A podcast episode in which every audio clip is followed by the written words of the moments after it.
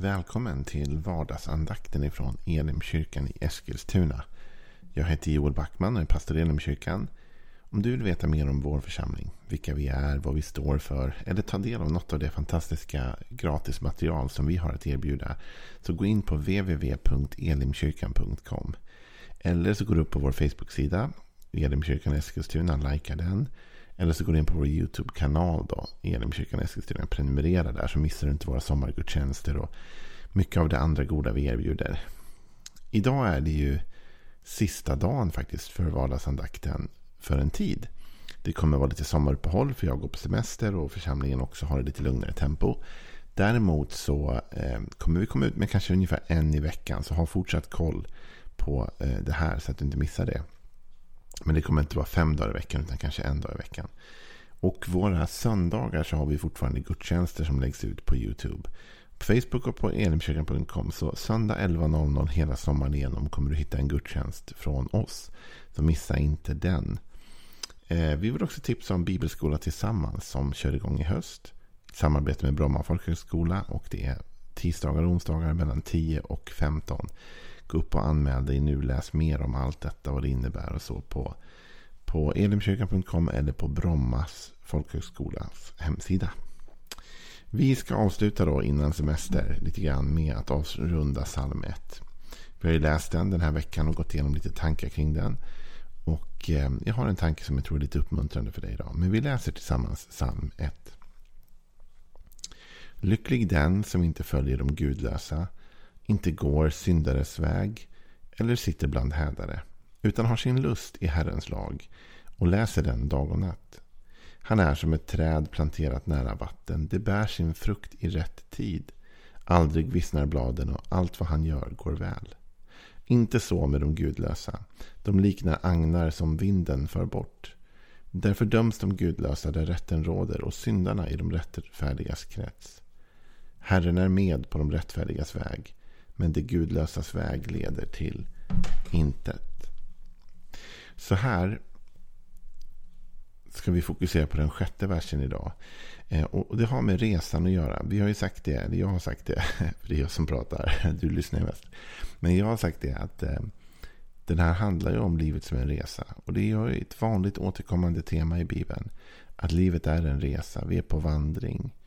Eh, psalm 23, en tydlig sån herdesalm. Men även här så beskrivs det som att det finns vägar i livet. Det rättfärdigas väg och det finns det gudlösas väg. Och det gäller att välja rätt väg i livet.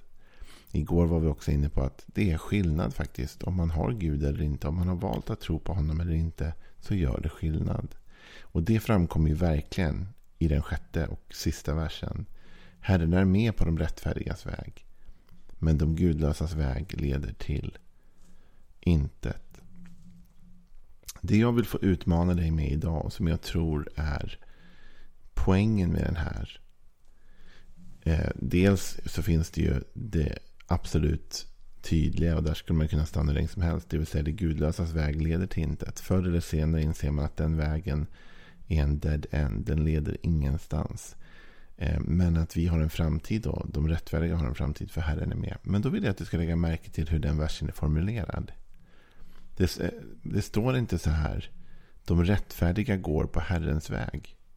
För så kan man ju tänka att det skulle stå. Typ att de som är rättfärdiga, det är de som går på Herrens väg. Men vad säger den här versen egentligen? De säger Herren är med på de rättfärdigas väg.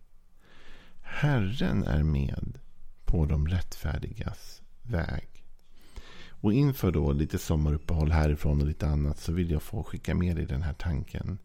Att var du än är och vad du än gör och vilka vägar du än vandrar. Herren är med på din väg. Om du har valt att ta emot Jesus i ditt hjärta och det som Bibeln kallar bli född på nytt, frälst, räddad. Då är han med på din väg. Från den stunden liksom är det verkligen ni två på samma väg hela tiden.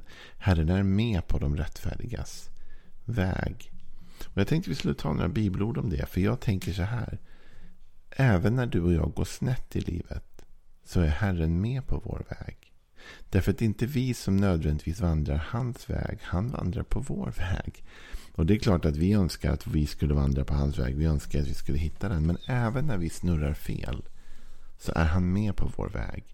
Är det inte det som berättelsen om det förlorade fåret handlar om? Det vill säga att till och med då kan man säga så här att ja, men, fåren de ska vandra på Guds väg. Ja, så är det. Men så beskriver Bibeln att ett får kommer bort sig. Och vad gör herden då? Då lämnar han de 99 och går och letar efter det borttappade. Han går ut på det borttappades väg för att hitta det och bära tillbaka det till rätt plats. Kanske du lyssnar på det här nu och du tycker att livet har varit tufft en period. Kanske lyssnar du på det här och känner att du har inte alltid vandrat Guds vägar. Du har valt dina egna och det har inte alltid varit bra eller gynnsamt. Du känner kanske till och med att du just nu har liksom vandrat helt galet eller snett eller tokigt. Vet du? Gud har inte lämnat dig eller övergivit dig. Han är med på din väg. Vi gick igenom psalm 23 för ett litet tag sedan. Och eh, då läste vi om att man kan komma till även dalar i vår livsvandring. Dödsskuggans dal eller en mörk dal. Inte ens den mörkaste dal, säger Bibel 2000, är jag rädd för du är med mig. Men eh, när jag började tänka på det här nu, som jag ville tala om idag, att Herren är med på det rättfärdigas väg. Så tänkte jag igenom psalm 23 i en annan översättning. Du vet, jag är ändå uppväxt i ett pastorshem och har hört Bibeln citerad mycket i mitt liv. Och, och inte bara i, i Bibel 2000 version, utan, utan även innan det. Och då kan man ju landa tillbaka så långt som i 1917 version. För du vet, i Bibel 2000 står det även, eh, liksom, även i den mörkaste dal fruktar inget ont. Men vet du vad det står i 1917 översättning av psalm 23? Och vers 4 så står det så här. Om jag och vandrar i dödsskuggans dal fruktar jag inget ont, ty du är med mig. Om jag och vandrar. När man läser den då tidigare så står det att Herren är min herde. Han för mig till vatten där jag finner ro. Han vederkvicker min själ. Han leder mig på rätta vägar för sitt namns skull. Men så säger vers 4. Om jag och vandrar. Inte om han leder mig. För det står tydligt innan att han leder mig till gröna ängar, till vatten där jag finner ro. Han leder mig eh, eh, för sitt namns skull. Men jag kan vandra in i dödsskuggans dal. Om jag och vandrar i dödsskuggans dal. Vad händer då? Vad händer om jag irrar bort mig och kommer in i dödsskuggans dal? Vad händer om jag trampar snett i livet och kommer på vägar där jag inte borde vara?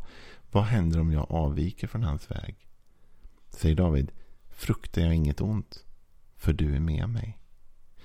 Gud överger inte oss för att vi trampar snett eller fel eller går vilse. Det finns såklart en möjlighet att helt gå bort ifrån Gud. Att ta avstånd ifrån, att inte vilja vara med honom. Det är inte det jag pratar om riktigt nu. Jag pratar inte om den som tar avstånd från Gud och vänder sig bort från honom. Jag talar om den som vandrar snett. Och för det mesta är det ju så. Jag tror att du som lyssnar på det här, du, du har nog inte tagit extremt avstånd från Gud och av liksom svurit dig från honom. Men det kan vara så att du har vandrat snett. Det kan vara så att du har tagit fel steg, gått in på fel vägar. Det kan vara så att du och jag trampar fel. Medvetet eller omedvetet så går vi åt fel håll. Men vi har inte övergett vår kärlek till Herren och vi har inte övergett vår tro. Och då kan jag lova dig att även om du vandrar fel, om jag och vandrar i dödsskuggans dal, så behöver vi inte frukta du och jag, därför Gud är med oss. Han är aldrig långt borta från oss. Det är aldrig så att vi liksom, oj nej vad gör jag nu? Och så ropar vi på hjälp och så är Gud långt, långt, långt bort för vi har trasslat till det så. Gud är alltid nära. Han är redo att ta upp oss på sina axlar och bära oss tillbaka till, den, till, till liksom follan dit vi ska vara igen. Han är med oss. Gud är med dig i ditt trassel. Vet du det? Om du har trasslat till livet. Gud är med dig i ditt trassel. Om du har trasslig ekonomi på grund av dåliga beslut. Vet du, Gud är med dig i ditt trassel. Om du har det rörigt i dina relationer därför du har fattat dåliga, okloka beslut som har äventyrat din relation. Vet du, Gud är med dig i trasslet. Om du liksom har, har gjort en massa saker du bara ångrar och skäms över och mår dåligt över. Och du just nu känner att du är mitt i en mörk, svår dal. Så är Gud med dig i den dalen och med dig i ditt trassel. Han överger inte dig för att du trasslar till Och han överger inte mig heller. för det här är ju till mig med. För jag kliver ju också snett och fel. Men han överger inte. Faktum är att David i en annan av våra mest älskade psalmer drar ut det här ännu mer. För i psalm 139 så talar ju David om hur väl Gud känner honom.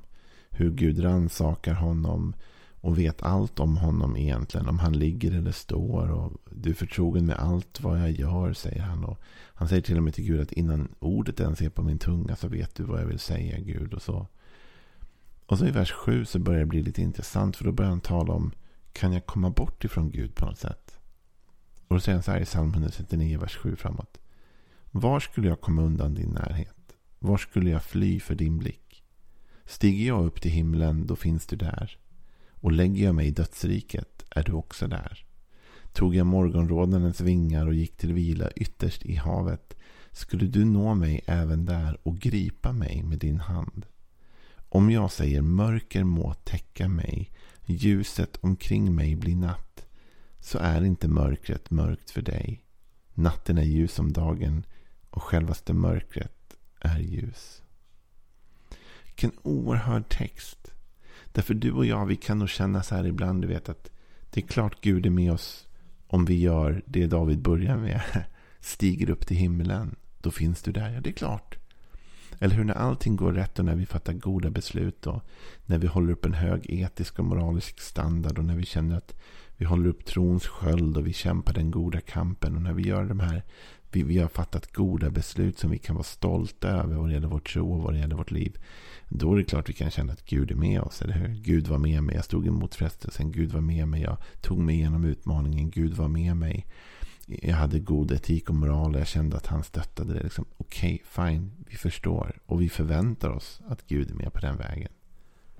Men så säger David, lägger jag mig i dödsriket är du också där. Vilken oerhörd vers. Det är klart att Gud är med i himmelen.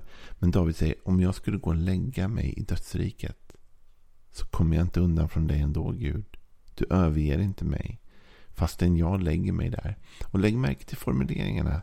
Inte om jag faller ner. Inte om någon puttar ner mig i dödsriket. Inte om jag liksom snubblar ner i dödsriket. Om jag lägger mig i dödsriket. Om jag bäddar ner mig där. Om jag gör i ordning min säng där. Om jag planerar för att här ska jag vara. Så kommer jag ändå inte undan ifrån dig Gud. Och så fortsätter han. Att vi inte kan gömma oss i havet. Gud skulle nå oss även där. Om jag gick till vila ytterst i havet skulle du nå mig även där. Och lyssna och gripa mig med din hand. Det är inte bara det att Gud når oss där vi är. Det är det att han griper oss. Det är inte bara det att Gud är med oss i vår trassliga väg och värld. Utan han griper oss. Han tar tag i oss. Han leder oss rätt. Han räddar oss. Skulle du gripa mig med din hand? Och så säger David. Om jag sa mörker må täcka mig. Ljuset omkring mig blir natt. Det vill säga till och med jag uttrycker en längtan till förfall. Om jag till och med skulle varit så dum så jag sa jag vill att det ska bli mörker. Jag vill göra det här dumma. Jag vill göra det här dumma. Till och med om jag uttrycker det så kan det mörkret inte bli mörkt för Gud. Mörkret är inte mörkt för dig. Natten är ljus som dagen. Självaste mörkret är ljus. Med andra ord, jag kan inte gömma mig från dig Gud. Inte ens om jag försöker klanka ner på fördärvets väg.